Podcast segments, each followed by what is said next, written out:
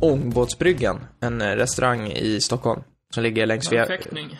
Nej, det var inte fäktning. Eh, jag håller på, jag tränar inte fäktning. Jag tränar inte vattenpolo. Jag Säg inte går... att det är gyn eller något sånt. Jo, jag styrketränar. Nej. Ja, men det är klart. Det tar ju död på allting. Vi vill ju ha något sånt här. Ja, något lite mer eh, annorlunda, men eh, tyvärr. Hipsteraktigt. Ja, men jag var på Ångbåtsbryggan och det ligger som sagt, det ligger vid, vid Sveavägen. Och är en, eh, det är en rätt fin restaurang. eh, Och eh, känd för eh, att de har en, han som äger restaurangen är liksom känd fiskkock. Eh, vilket det inte finns, det finns ju inte extremt många av dem i Stockholm, utan det är ju västkusten man förknippar med det. Så jag beställer, vi fick ju två alternativ, för det var en grupp på så här 25 pers, så man får alltid en besvikelsen av att inte få de bästa rätt, utan man får välja mellan liksom en kötträtt och en fiskrätt. Jag väljer, nio av tio fall väljer jag ju fisk eh, när jag går ut, för jag är så dålig på att tillaga det själv. Och fan, vad besviken jag blev när fisken var torr, såsen var smaklös och det bara var, åh, vad trött jag blev. Jag hade, jag hade önskat mig mer när man går på fiskkrog och inte behöver betala Ja. för det själv. Jag åkte till Hamburg så får du ordentlig fisk. Nej, jag åkte till Göteborg. Så Mm. Är det någonting man kan i den här stan så är det fan fisk alltså. Men... Och då var vi igång med podden alltså. Ja, exakt. Precis så är det. Och eh, jag ska gå från det här för att det här, det slutade med att man hamnar på Rish, vilket är, eh, det är ju medievärldens eh, eh, mecka i Stockholm. Och eh, jag var kvar där en stund, men eh, jag var tvungen att gå hem för att eh, ni vet vad, att det var, jag gjorde debut idag. Eurotalk. Mhm. Nej, jag debuterade ju som eh, kommentator på Eurosport. Ja, just det. Det var Nej. då ja. Har du gjort det? Jag eh, ja. körde Eurogoals. ja? Bundesliga highlights, en timme. Nice. mellan, eh, ja det blev mellan 12 och 13, men det skulle ha varit 11.30, 12.30. Och jag måste erkänna att jag är tagen av hur svårt det kan vara att göra någonting som framstår så, så, som så enkelt. Alltså att kommentera en match är en sak, Mm. men här är det ju liksom, det är en timme. Du har mer eller mindre ett manuskript. Du har alla händelser. Det var 36 sidor, kan jag för övrigt eh, säga. Med de händelser som kommer vara, vilka som, spelare som är involverade och liksom vad som sker och hur långa de här klippen är. Och, ja, alltså, innan den första pausen, så, så stressad har jag inte varit på bra länge. För det kändes som att jag, jag hängde inte med någonting. Och jag hade liksom pratat inför, jag bara så här, men hur, hur mycket ska man förbereda sig? För att, eh, jag menar, vi alla tre följer ju Bundesliga rätt generellt, så att jag visste att jag, skulle, jag kommer ha bra koll på det här ändå. Men eh, Mm jag läste på lite extra, eh, var liksom supertaggad och eh, kollade på två timmar i morse, mellan sex och, jag gick upp klockan sex i morse för att se eh, tyska highlights av både tisdag och onsdags matcher, eh, plus att jag hade sett match på tisdag. Och hade liksom förberett mig med så jävla mycket information. Problemet var att ingen information kom till nytta för att det gick så makalöst fort, så all bra info jag hade laddat eh, upp, eh, som jag i och för sig skulle kunna använda i den här podden, det var ju synd att jag slängde papperna, men eh, eh, det gick åt spela upp. Men eh, för den som vill lyssna på hur det lät så kan man ju gå in på, jag tror att man kan se det på Eurosport Play faktiskt i efterhand och jag tror att det går i repris. Eh, Cool. men eh, det var, jag måste säga att jag har nyvunnen respekt för kommentatorer, även de som läser direkt ur manuskript, för det var fan i mig inte enkelt. Eh, fascinerande nog. Och dessutom så var det ju någonting jag dessutom är rätt kunnig inom liksom. Men ja. Mm. Folk förstår i alla fall vad du säger, så det kan du vara tacksam över. Ja, men det har vi pratat om förut. Jag, jag gillar ju inte min egen röst, men eh, jag har ju ingen eh, liksom, dialekt att tala om, så att eh, tydlig på det sättet. Och sen så är det alltid, man vet ju, jag vet ju inombords att dels den här självkänslan man har, för att jag, jag tycker själv inte det gick bra. Så jag var ju tvungen att gå in och hoppas på att ingen hade skrivit något på Twitter och med tanke på inget ont med att jag gjorde Sport 2, men det är en liten kanal så att ingen hade ju skrivit något, vilket var bra. Och sen så vet man när man får liksom positiv feedback från flickvännen att, eh, ja, hur ska, hur, hur ska jag bedöma hennes liksom, och dels är hon ju subjektiv utav helvete och sen så är hon ju, även om hon ser en del på fotboll med mig så är ju, det är ju tveksamt om hon egentligen har någon som helst kunskap i om det var bra eller dåligt. Så att, eh, men jag, jag, jag, jag har tagit hennes ord till mig och, eh, ah, hyfsat rakryggad ändå. Går det inte lyssna på efterhand? Jo, jag tror det. Eurosport Player tror jag man kan se det på. Eh, eller något. Eller så går det på repris skulle jag tro på Eurosport antingen på fredag. Ja, jag skulle tro att det kan gå på fredag innan omgången sätter igång. Men nu kör vi övergången därifrån. Alltså det sjukaste, jag vill verkligen gå in på det. Det sjukaste som jag tycker från den här eh, omgången, det, och vi pratade lite om det innan vi satte igång, är ju Wolfsburg-Dortmund. Och inte att det faktum att det slutade 5-1, men det som sker när Mario Gomes är omänskligt nära att göra sitt första mål för Wolfsburg. Eh, en situation som, ja, jag vet inte hur jag ska förklara den. Hur skulle du förklara den Andreas, som ändå liksom Dortmund-supporter och eh, jag antar att du såg matchen? Ja, det, men det var ju fritt mål, typ, kan man väl säga. Det var ju en fantastisk dubbelräddning, eh, ish, av eh, Roman Bürki och ska man säga att målkamerautrustningen kom väl till pass också. Eh, så det... Jag var helt säker på att bollen var inne, men det var den ju inte. Nej, alltså två gånger om så gör ju Bürki någon sorts reflexgrej som gör att bollen inte går i mål. Och Ja, precis. de kör Hawkeye på det. Alltså jag, jag, det är så svårt att förklara, jag tror man måste se situationen i sig för att begripa hur fascinerande den är. För jag tror jag alla, jag tror på riktigt jag aldrig har sett något liknande. det måste du ju ha gjort. Nej men, nej, jag kan liksom inte minnas. Det var så, det var oerhört fascinerande och jag är imponerad över att Bürki lyckades hålla den där borta från målet. Men, strunt samma. Dortmund åker till Wolfsburg och vinner med 5-1. Eh, Blaszczykowski blir hyllad av de 5000 tillresta Dortmund-supportrarna efter rätt bra dag på jobbet för Dortmund, får man väl ändå summera, eller hur Andreas? Eh, verkligen. Dortmund har eh, minst sagt hittat eh, formen både framåt och bakåt. Eh, Roman Bürki var ju inte, det var inte bara dubbelredningen mot Gormes utan eh, det var faktiskt ett tag eh, efter att Wolfsburg hade reducerat till 1-2 eh, som, som de pressade på ganska bra där.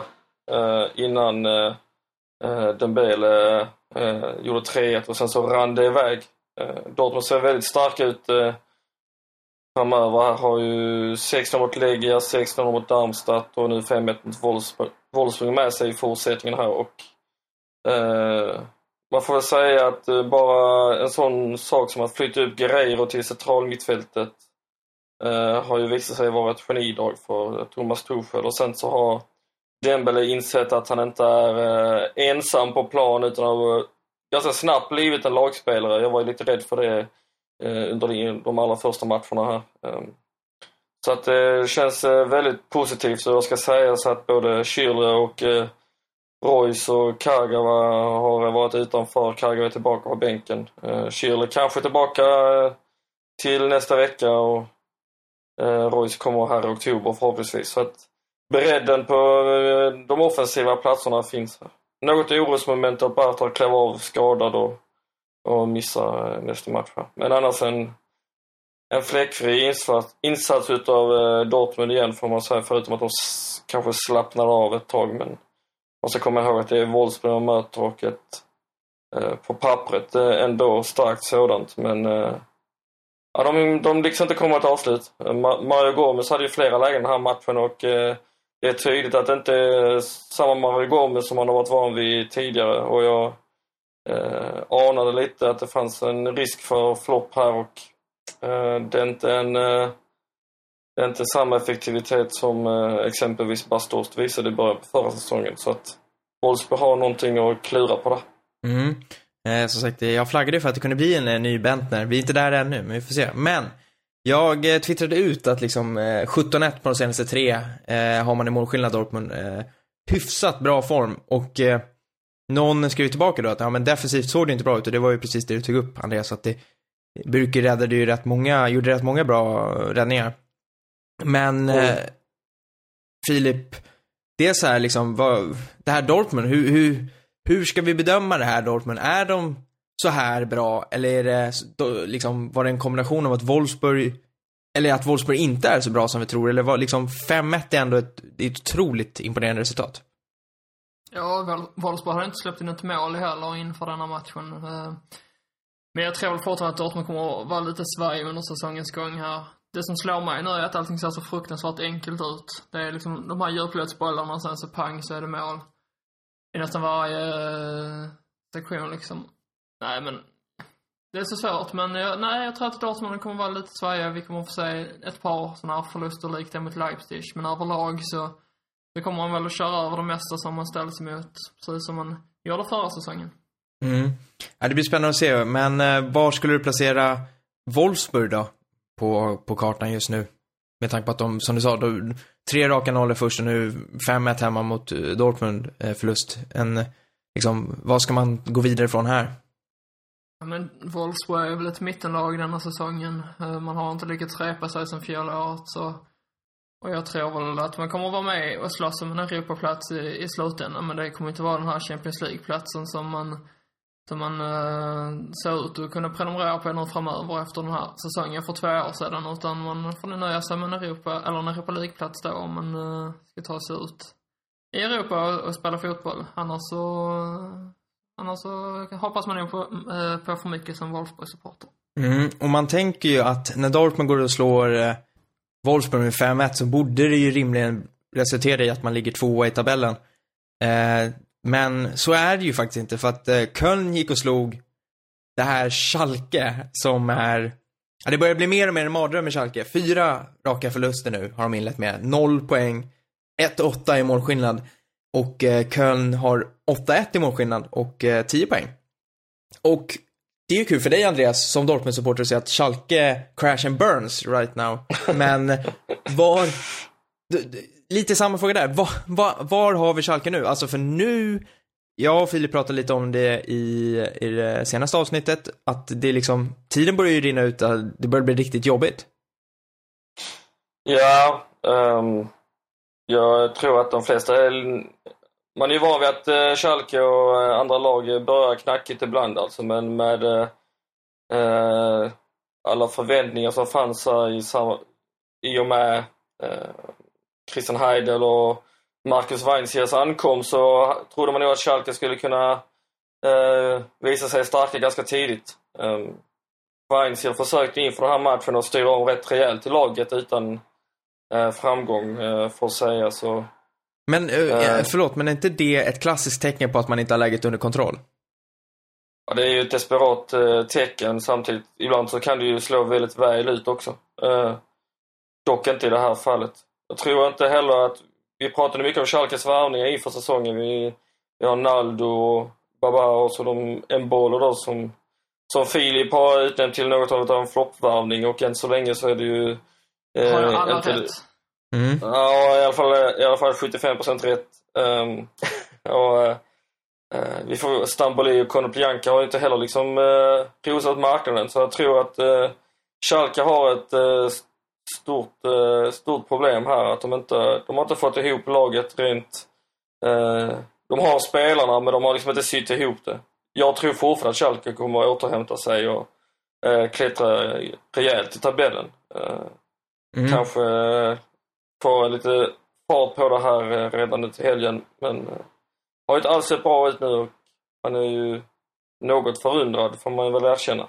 Folk eh, har ju i, i liksom, för att se på det positivt, de har ju påpekat att eh, Mönchengladbach förlorade ju första fem förra säsongen och slutade på fjärde plats till slut, så att chansen finns. Men hur lång tid tror du Filip att liksom eh, Heidel och Vansil eh, får nu innan det på riktigt kommer börja eh, vittras liksom, eh, att eh, supportrarna vill ha bort dem?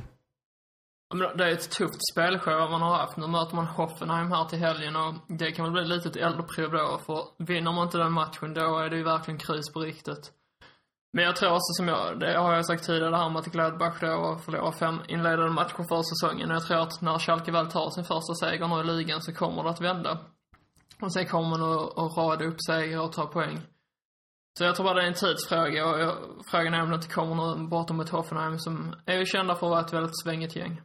Mm. Det är ju, alltså tränaren de har är ju också eh, en av Tysklands mest eftertraktade tränare efter vad Weinziel har gjort i, i Augsburg då liksom. Jag vet inte, vem ska man ta in som eh, eh, ersättare på en sån plats? Jag inte Viktor Skripnik skulle vara liksom eh, särskilt Kolla aktuell Maria. för oss.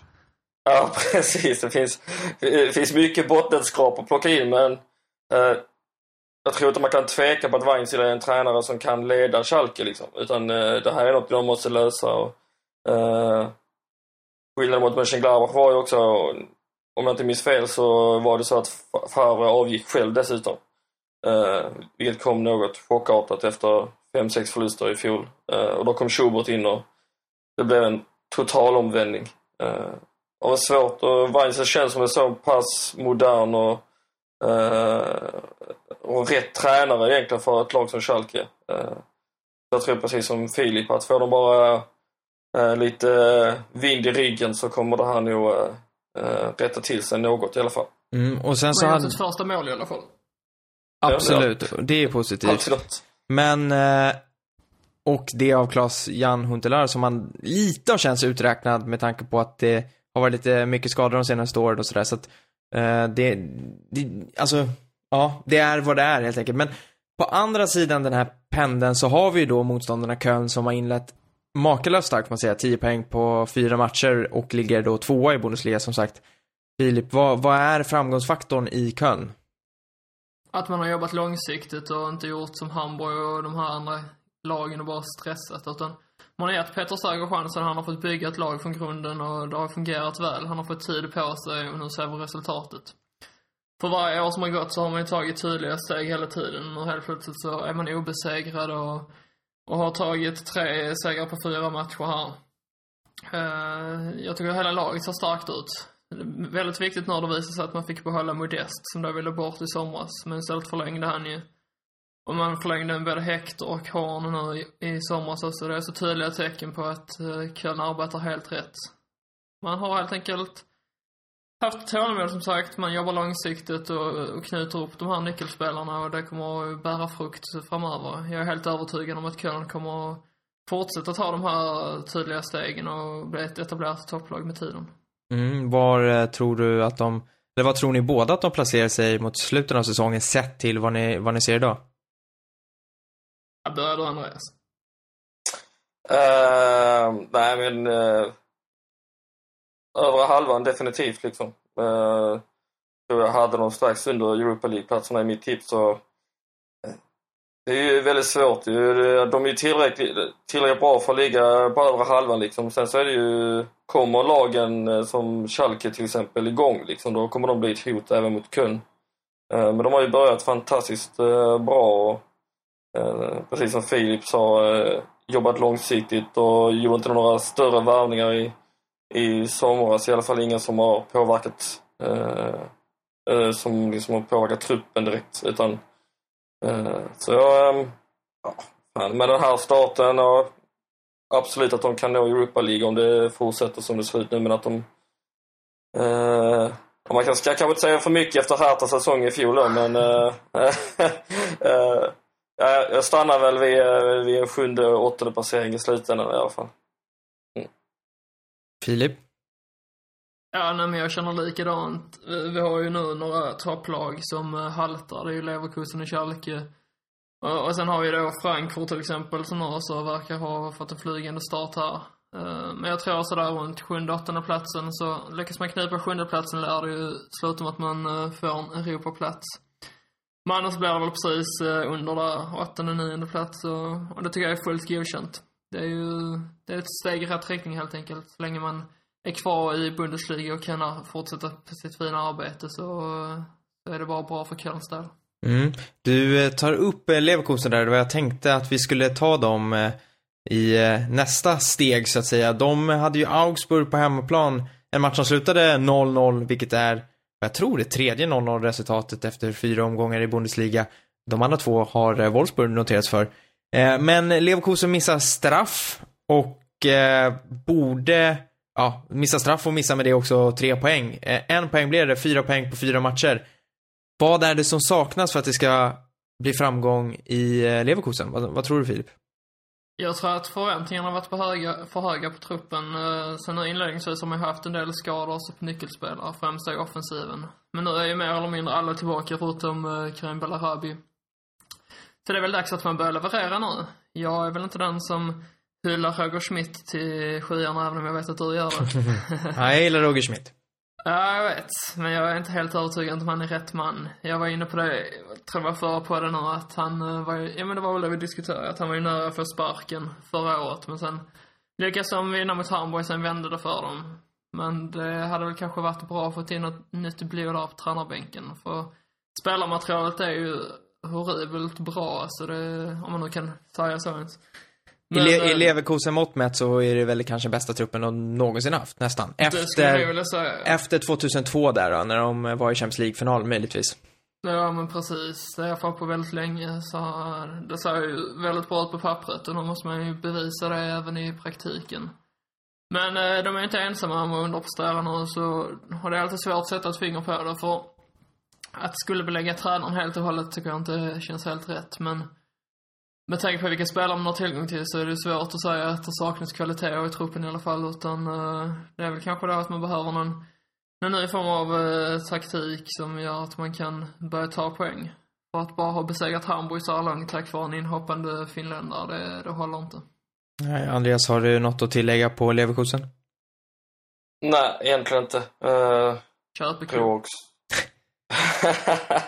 ja, det skulle vara det. Nej, men uh, de kommer komma igång. De har, det har gått trögt, uh, gått lite grus i maskineriet här i början, men uh, uh, och uh, Stefan Kiesling byts in här i, i, mot Augsburg. Tror inte att han kommer, specifikt kommer tillföra så mycket till Leverkusen den här säsongen. Men de har ju de offensiva spelarna och uh, fem mål framåt på fyra matcher för, med den truppen. Det, uh, det är för dåligt helt enkelt och uh, får de bara igång det så kommer även de att rysa upp i takt med spelschemat uh, lättar sig lite. Man hade ju älskat om Kiesling hade gjort ett hattrick nu mot Augsburg. Ja, men Kiesling hade ju ett eh, osannolikt eh, läge att avgöra matchen i 92 minuten, men Ombyrk gjorde en bra, liksom en fantastisk räddning så gjorde Marvin Hitz.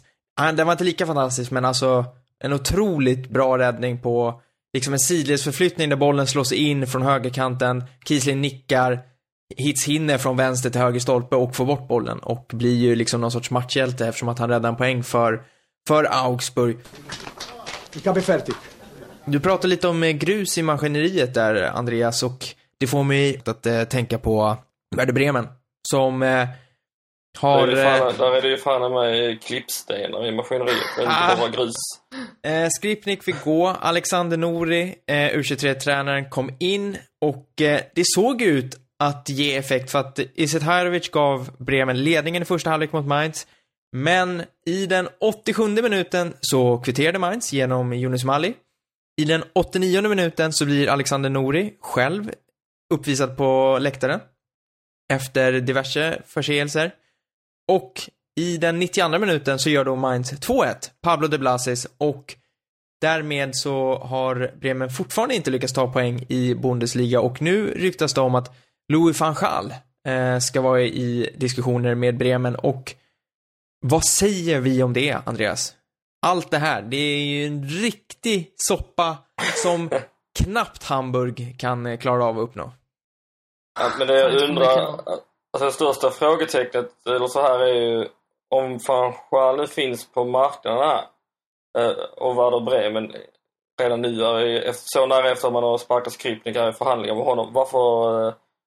Eh, Man vet väl ändå att van Gaal är en, i alla fall en mer tongivande tränare än Viktor Skripnik och Skripnik eh, är nog alla överens om att kanske borde fått gå eh, redan efter förra säsongen. Liksom. Eh, Han, det, det måste vi faktiskt säga att han har ju själv erbjudit sig tydligen vid två tillfällen att eh, lämna jobbet. mm, ja, Eh, precis. en gång i våras och eh, Jag menar, nyligen. måste ju funnits på tapeten liksom. Jag vet inte, det, det här ryktet kommer lite som en, en eh, blixt från eh, klar himmel. Men eh, ja, känns det som att van har väl aldrig egentligen eh, jobbat med ett bottenlag någonsin. Så det är ju svårt att se hur han agerar i den situationen. Jag tror inte att han gör Bremen till topplag i alla fall. Men det vore ju häftigt. Men vi har ju sett vi har ju sett tränare som som ja, vad fan heter han nu då? Schalkes eh, eh, Roberto Di Matteo. Di Matteo, tack. Eh, som eh, också kom in med eh, stora fötter och eh, sådär men som inte resulterade i någon succé, snarare tvärtom. Eh, tar man in en tränare som framförallt så kan det finnas risk att det blir ungefär samma sak men Werder Bremen har inte lika mycket att förlora som Schalke hade då. Kommer eh, vi att få se van Gaal i Bremen, Filip? Nej. Nej. Det, var, var, nej. Kom och säg honom i Hamburg. Nej, men eh, det, Det hade det, känts mer troligt. det känns ju väldigt orimligt med van Gaal i Bremen. Men det känns ju rätt orimligt med... Jag säger nu. Det kändes ju mer lika, nästan lika omöjligt med Gnabry i Bremen. Så att fan, de fortsätter att chocka kanske. Ja, jag ska säga, jag tror ju att man har lite pengar över sen spelarförsäljningarna i somras. Både Uja och, och Westergaard gick ju loss för ganska så mycket pengar. Men att man skulle lägga den på Fanchal, det vete tusan alltså. Men sen samtidigt, vem man ska plocka in istället är alltså en bra fråga. Breitenreiter känns det som att han hade kunnat vara ett ganska så lämpligt alternativ för Bremen just nu. Mm.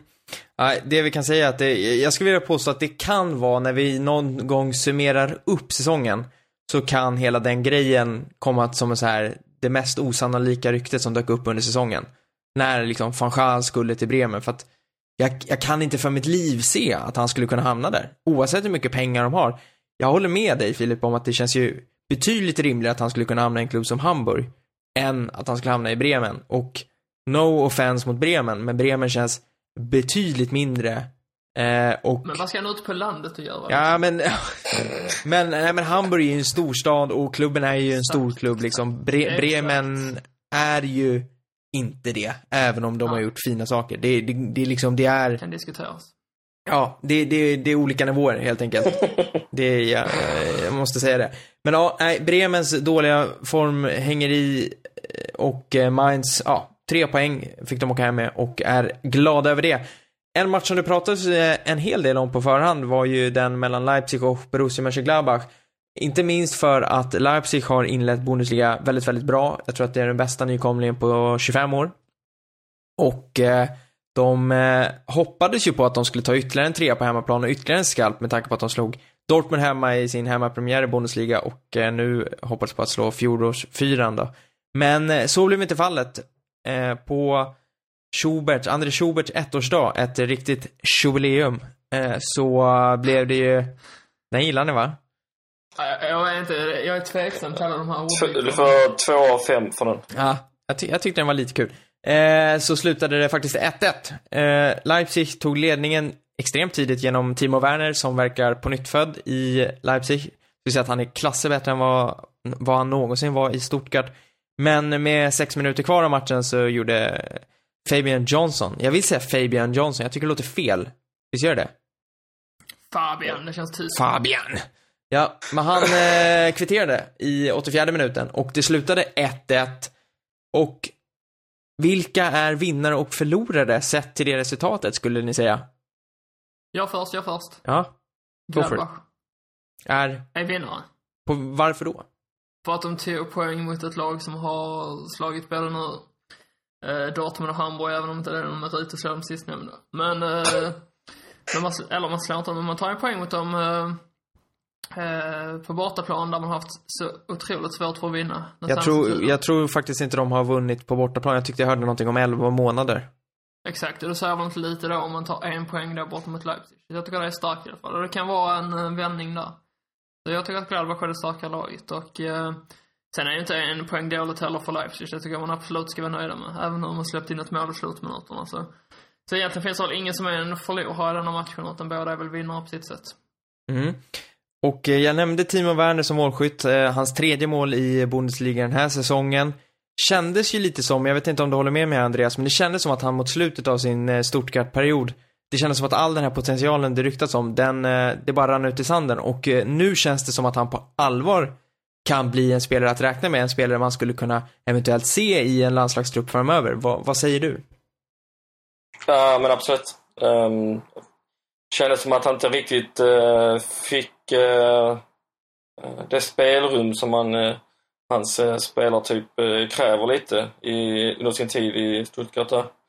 Ehm, kommer till Leipzig och blir en, han är ju en tongivande spelare i, i det här laget. Uh, trots sin, eh, ja vad är han, 20 år eller 19 eller vad han nu är.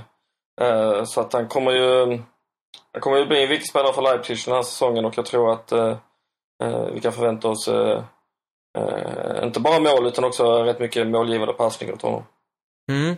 Det blir spännande att se. Filip, bara så här, vad, vad tror du om sagt Leipzig, bra nykomling. Vi, ja framförallt jag kanske var lite kritisk till hur högt upp de skulle hamna i tabellen. Vad, jag menar, jag, frågade lite förut om vad du tror om framtida tabellplacering. Vad tror du om Leipzig? Kommer de kunna hålla sig där uppe och vara med och slåss om Europa League? För det, känslan nu man får är ju att det här är ett lag som man ska räkna med. Klart man ska kunna räkna med dem, men eh, jag tror väl ändå att ju längre säsongen går, ju mer kommer de mattas av. Sen får man lite skador på nyckelspelarna. Eh, spelarna tappar det här. Nu när man känner i början, de har precis tagit sig upp. Alltså, jag kommer på de här förlusterna. Det kan bli några uddamålsförluster liksom. Eh, man släpper in några onödiga mål. Defensiven har inte sett helt och hållet stabil ut. Jag tror det kommer bli mer och mer av den varan ju längre säsongen lider. Eh, så jag tror att man får nöja sig med en mittenplacering till slut. Men som, eh, som jag sagt tidigare så är det ju helt klart godkänt med tanke på att man är nykomlingar. Mm, det blir intressant att se helt klart. Vi pratade tidigare i veckan Filip, du och jag, om Ingolstadt-Frankfurt, att Frankfurt ja, mycket väl kunde vinna mot Ingolstadt och så blev ju fallet. 2-0 slutade den matchen. Jag känner nu att det är dags i podden att eh, prata om det oundvikliga som hände nere i Freiburg. Det vill säga att eh, Hamburg åkte till Freiburg och eh, förlorade. Med 1-0. Och eh, ja, Filip, be- berätta. Berätta allt. Vad finns det att säga? Det finns väl, det finns väl jättemycket att säga. Gråt Ja. inte nu. Ja, men Nej, det, det- det gör det väl? Jag menar, det är som så här, för fjärde matchen i rad så kommer det in en anfallare mot slutet av matchen och avgör. Det säger väl inte lite. Nej men, nej men gör det inte. Eller vad det, jag vet inte, vad säger det? Att ni har Det är så otur jävla eller? dålig matchcoachning. Nej, alltså grejen är att första halvlek så tycker jag ändå att Hamburg är det bättre laget. Precis som ett Leipzig. Och sen i andra halvlek så är det Rasar sämre. alltihopa. Men målet är ju en otrolig målvaktstabbe. Ja, det är det. Av Adler då, som ska vara en av de stora stöttespelarna i laget. Så att jag vet inte om jag tycker att det är matchcoachningen som det är liksom helt och hållet fel på. Ser man liksom till bytena så är det ju tre offensiva byten Hamburg gör. Man byter in Gregoric, man byter in Halilovic och man byter in Lasogga. Jag, jag, vet inte om jag tycker att det är, jag, alltså så här, är det verkligen Labadias fel? Eller är spelarmaterialet bara, det, det kan vara fel att de inte är tillräckligt liksom förberedda och så, det kan jag köpa, men just matchcoachningen är jag inte helt övertygad om att det faktiskt är anledningen. Nej, kanske inte. Jag skrev en krönika om detta häromdagen där jag just belyser detta problemet och vem man ska lägga skulden på. Och jag tycker att man ska lägga skulden på hela föreningen. Alltså både på spelare, tränare och ledning. För det är en, ett sorts hopkok av ångest bara alltihopa. Men, eh, men just nu så känner jag bara att laget har kört fast. Man kommer ingenstans med Labadia och eh, och då tycker jag väl att matchcoachningen är, är det som det är fel på. För han måste ju göra förändringar. Han ser ju nu för fjärde matchen i rad att det inte fungerar. Och nu möter mot Bayern München och därefter får ett sjukt tufft spelschema. Eh, och som jag sa, det kan vi lika bra stå på en poäng som vi gör nu i, slutet av november också. Så, eh, ja. Jag vet inte vad man ska säga riktigt. Det, det är vad det är. Och nu ligger vi på kvalplatsen och jag önskar bara vi kunde blåsa av säsongen. Ja, ni har ju blåst av säsongen rätt många gånger på kvalplats nyligen så att, så att eh, det, det förstår jag. Det är lite hemtamt kan man ju säga. Men eh, Andreas, eh, Hamburg då? Var liksom, var klämmer skon? Skulle det faktiskt göra skillnad om man tog bort Labadia tror du? Eh, kanske. Eh, extremt svårt att svara på. Det beror ju också helt på vem det är man i så fall väljer att eh, plocka in. Eh, men det har ju inte sett bra ut, det har det inte. Och, eh, ja. Det är svårt att, svårt att bryta ner det till några direkta anledningar. Det är svårt att säga något enkelt. Ja, ja, ja, nu när jag tänker på det och inser så här, van Gaal i Hamburg så känns det ju som, alltså, disaster. Det känns ju som en man vill ju se katastrof. honom stå och skrika av ren frustration. Ja, men det känns ju som att det kan bli en makalös maktkamp mellan alla parter, för det känns ändå som att Labadia är den veka i dagsläget. Alltså, Och ändå ska han framstå som lite så här tuff. ja, men alltså han är ju the weak, alltså the weak link. Eh, Ja, utan... men det ser du ju. Det ser du ju själv. Jo, men han är ju, det är, jag säger inte att det är negativt så, jag säger bara att han är, han är inte weak link mot laget, utan snarare i föreningen, att han, de andra styr så extremt mycket, får jag intrycket av, över honom med Beiersdorfer och Kühne där, miljardären och allt. Men jag vet inte om liksom, jag vet Men, inte äh, vilken typ man ska ha liksom. Det är inte första gången Labadie är den här, eh, den här positionen heller. Det var ju ungefär eh, samma start han hade när han fick sparken från, eh, Stuttgart. från Stuttgart då. Och likadant det var i Eh, Hamburg första sessionen. Ja, och vi såg hur det gick Ja, i precis. Stuttgart. Ja, de klarade sig väl med nöd och näppe. Ja. eh, Om, om Och rätt, liksom. åkte ut senare. Ja. Eh, Så det var, just då gav det inte så effekt men, Exakt Filip. men, men de kanske klarar sig från kval ifall de håller, ifall de sparkar Labadia då. Eh, Ja. Nej, jag vet inte. Jag tror att Labadia ryker. eh, jag tror han skulle ryka redan nu den här veckan, men eh, nu får han Bayern München-matchen på sig och, Bussigt! eh, och, och liksom eh, det är så jävla in- bussigt ändå alltså, eller hur? Ja, men alltså vad jag har hört nu, det är ju det här att han har redan fått sparken mer eller mindre. Och det har Ja, men precis. Fått, det har han redan fått i princip efter Leipzig-matchen. Men de vill inte inleda med en tränare som ska torska mot Bayern. För det kommer bli torsk i vilket fall som helst. Ja, men tänk, tänk om, tänk om eh, Hamburg skulle gå och slå Bayern med Labadia nu. Vad gör Då man blir då? han ju kvar. Alltså blir redan sparkad tror sig. Och, och, och jag tänker någonstans så här, visst, det är klart att man kanske inte vet in en ny tränare och, och han får första match mot, mot Bayern. Samtidigt tänker jag så här, men ingen kommer ju förvänta sig något. Möter det Bayern München så förväntar sig alla sig torsk liksom. Fast vi kommer ihåg när Simba tog över, då blev det kryss mot Bayern i hans första match. Ja, jo, okej, absolut, absolut. Det var på hemmaplan. Det här är Bayern, det här är också Bayern på hemmaplan i och för sig. Mm. Men jag tänker ändå så att det, med tanke på att förväntningarna är så låga, det kan, det kan ju inte bli dåligt. Så varför ska man sparka någon skulle släppt Nej, in men nu? man, vill- man vill väl inte att det ska bli en dålig start helt enkelt för att då, alltså, det blir aldrig en positiv effekt av att det kommer in en ny tränare som sen kan torska första matchen med se- 6-0 liksom. Så då avvaktar man hellre. Och det verkar nu som att det är André Villaboas med reservation för uttalet här som kommer komma in. Vilket känns Ja. fascinerande. Kicker Han har släppte ju ett rykte. Kicker släppte ju ett rykte om, eh, apropå tveksamma rykten då, om att eh, Julian Nagelsmann skulle vara eh, aktuell som ny tränare för Hamburg. Snarare att det är deras önsketränare, men det kommer aldrig ske. Nej, det Nej, tror inte jag heller. och, inte, och inte så här eh, mitt under säsongen när Hoffenheim dessutom är obesegrad faktiskt. Ja. Mm. Nej, det känns konstigt, men som sagt, vi är väl alla tror jag rörande överens om att eh, när vi spelar in nästa avsnitt så känns det som att chansen är rätt stor att vi pratar om att eh, Hamburg antingen har... för. Nej, men att Hamburg har en ny tränare eller är på jakt efter en. Erik Hamrén och Tom Prahl röstar jag på. Vilken, vilken otrolig kombo faktiskt. Men ja, nej, fortsatt tungt i Hamburg och eh, nykomlingen Freiburg vann sin andra hemmamatch. De slog också Mönchengladbach i sin första hemmamatch den här säsongen. Det är eh, två matcher som vi inte har nämnt. En skulle jag säga är mindre relevant idag. Darmstadt-Hoffenheim 1-1 slutade den efter att Hoffenheim släppte in ett mål på övertid. Darmstadt klev upp med bara sekunder kvar av matchen och eh, satte ett mål. Taffligt försvarsspel får jag säga i Hoffenheim. Mm. Och sen Hoffenheim fyra kryss kan man ju säga på Ja. fyra matcher. ingen, inget lyft där. eh, Det här Nagelsmann-effekten man fick i våras, det har inte varit mycket av den hittills faktiskt. Eh, under höstsäsongen.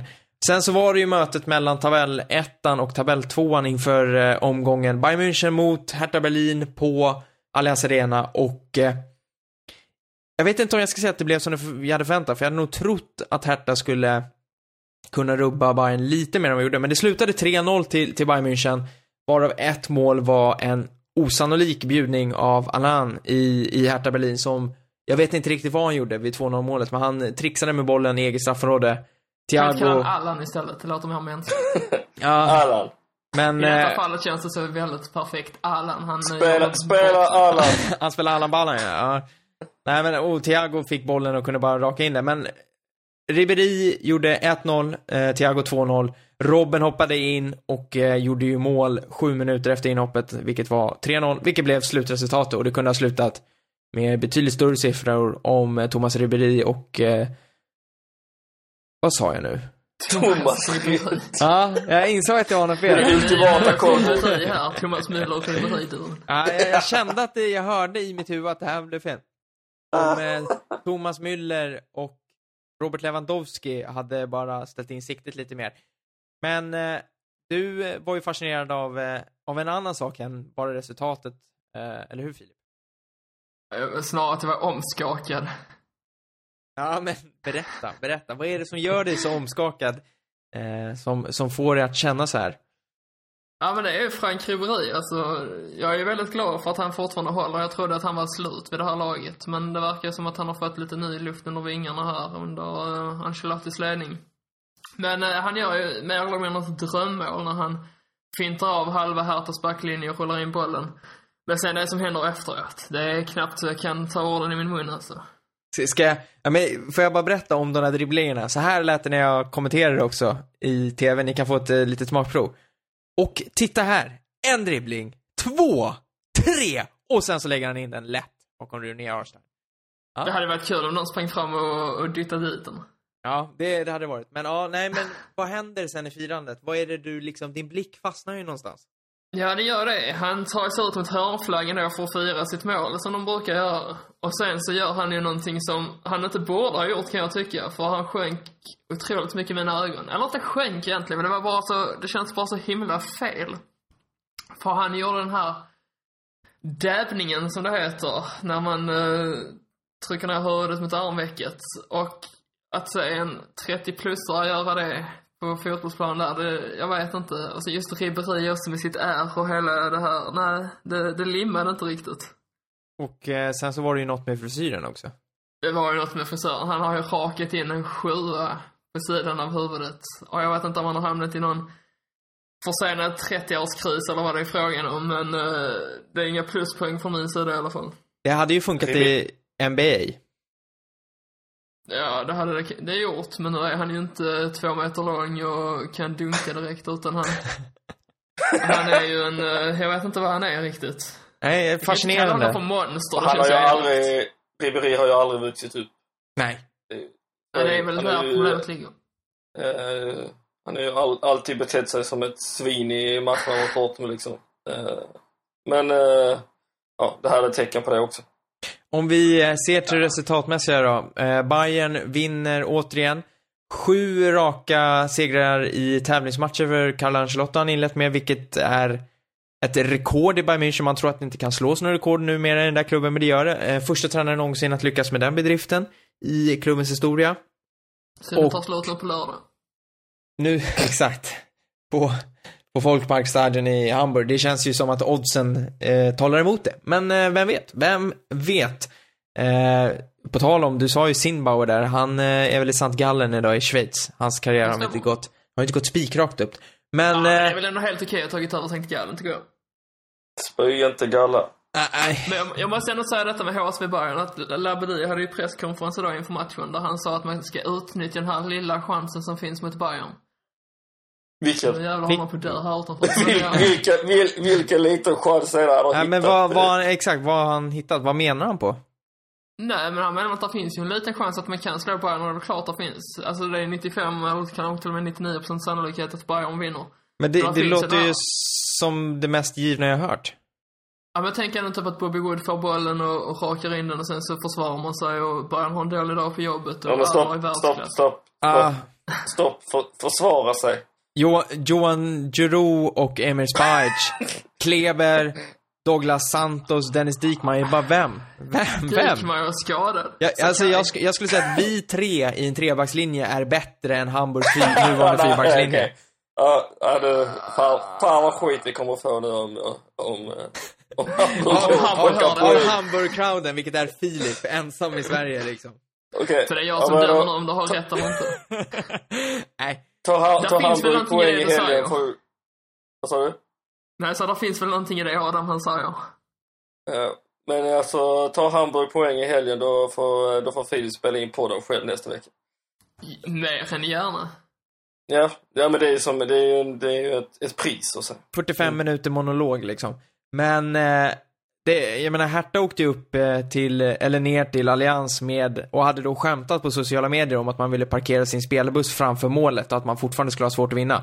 Alltså det är ju den nivån det är på och då är ändå Hertha ett bra lag. Men vad fan, Mainz slog ju Bayern förra säsongen. Det var ingen som trodde på det heller.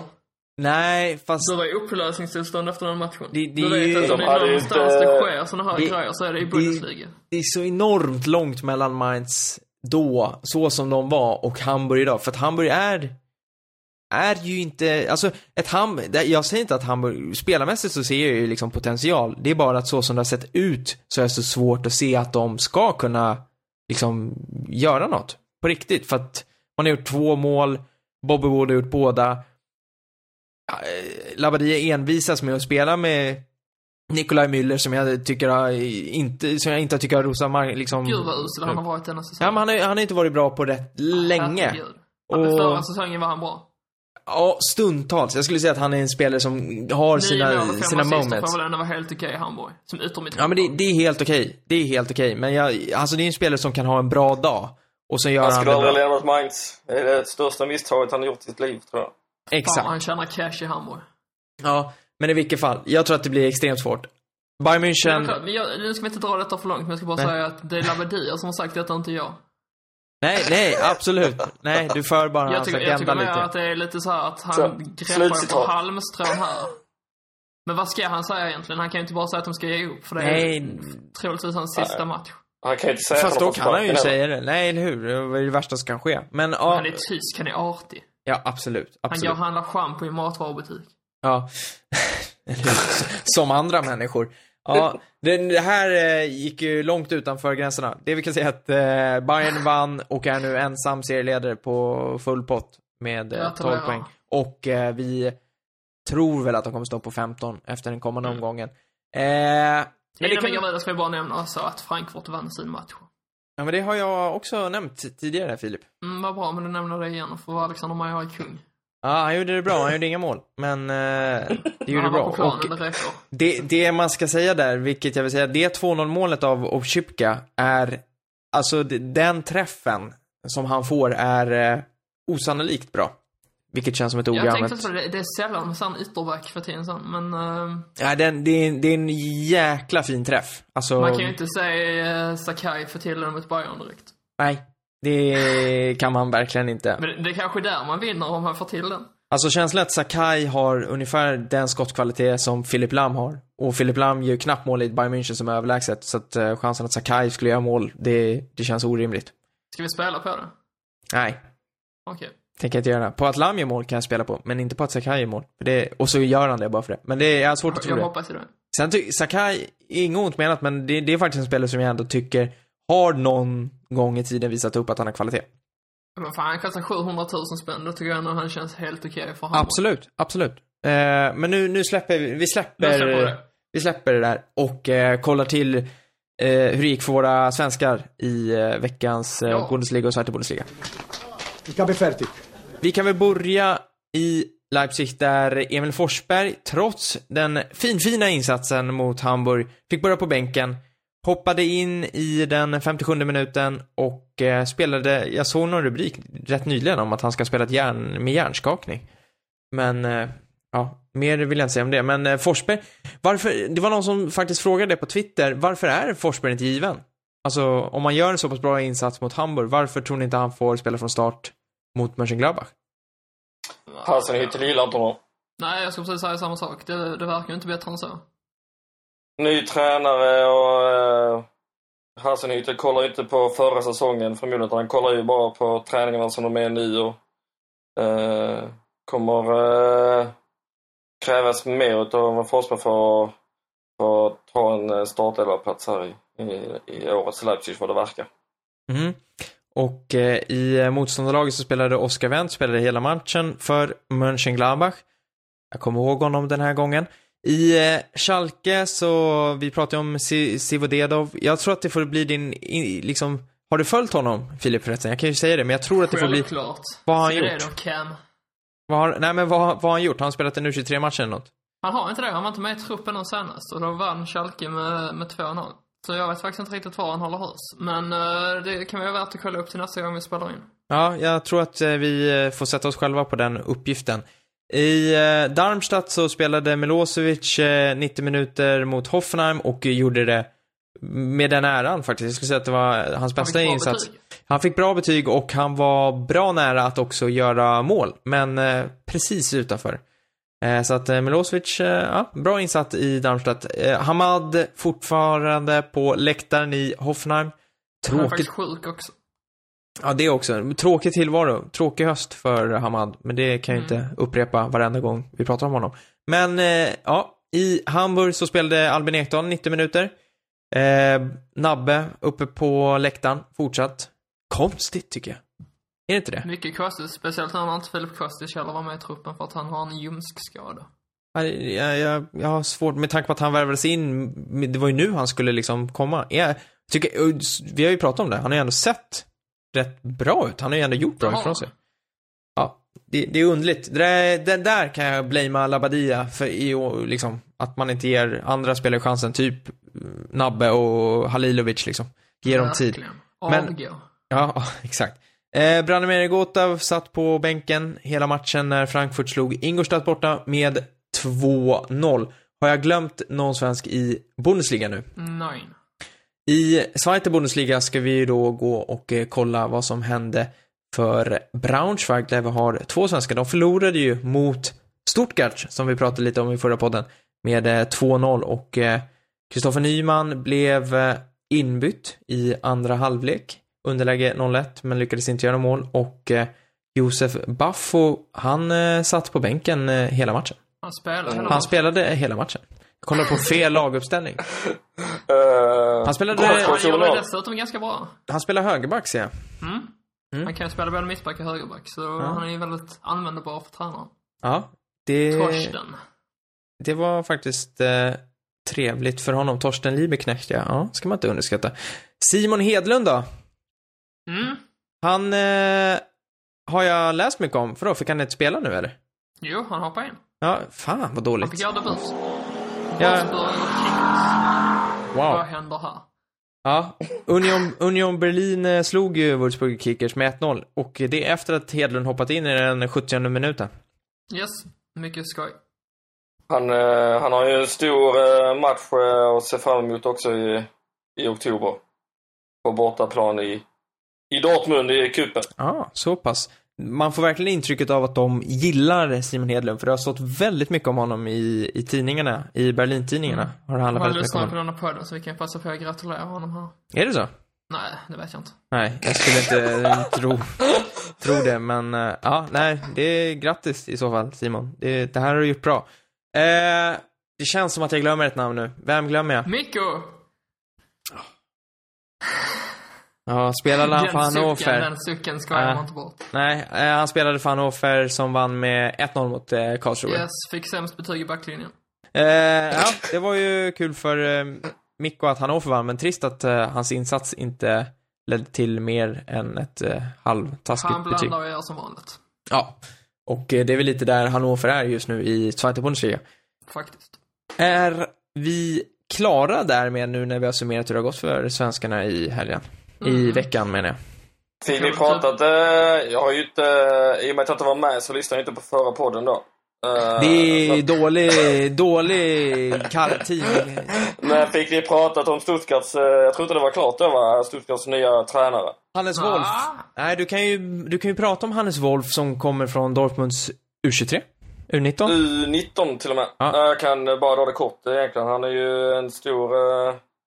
Han har ju utvecklat eh, Dortmunds U19-lag, eh, eller utvecklat Dortmunds ungdomsakademi egentligen ska man väl säga eh, enormt eh, senaste åren och bland annat tagit tre, tre titlar med U19-gänget då. Eh, och nu får han då eh, eh flyttas upp och bli någon form av Stuttgarts eh, Julian Nagelsmann då. Eh, kliva in där och ersätta Jansen som klev in som interimtränare här i, i segern över Braunschweig. Så det ska bli spännande att se vad eh, Wolf kan eh, uträtta i Stuttgart och eh, jag är säker på att eh, Dortmund också känner sig lite bestulna på en eh, riktigt eh, stark eh, tränartalang. Jag blir ju lite glad att de inte höll fast vid Jansen, för det hade varit lätt att göra det när han har vunnit två matcher som interimtränare. Att liksom Mm. säga nej men vi fortsätter. Men det verkar som att de faktiskt verkligen har de har haft en idé och de har verkligen velat ha Hannes Wolf. Det har känts som att det, det har varit han liksom. Så att eh, Mm. det, det blir väldigt spännande att se hur det kommer Verkligen. Sociala medier då? Sociala medier finns det mycket av. Mm. Jag finns på eh, Twitter, snabel Andy Holm. Filip? Eh, ja, just det. Jag finns också på Twitter. Snacka om att zona ut alltså. du kan inte sabba denna nu. Volym är en nolla istället för ett O. Mm. Ja, det, det stämmer nog. Eller, har du bytt? Eh, nej, fan. Inte än. Herregud, vad händer? Eh, och eh, mig hittar ni på snabel AT Nilsson och jag tror att eh, bredbandet har slutat fungera nere i Ystad så att Nej, jag känner nej, att det, nej, nej, nej. det är dags. det är dags att eh, tacka för eh, det här andra avsnittet den här veckan så...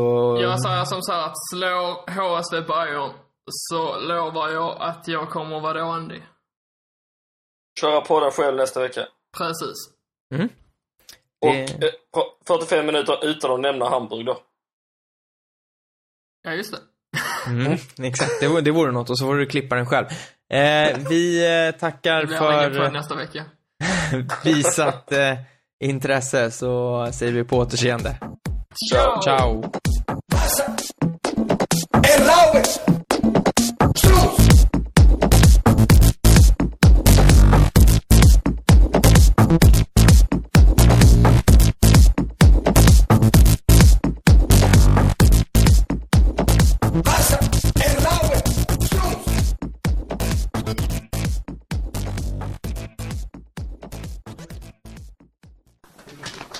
Cape Fertic.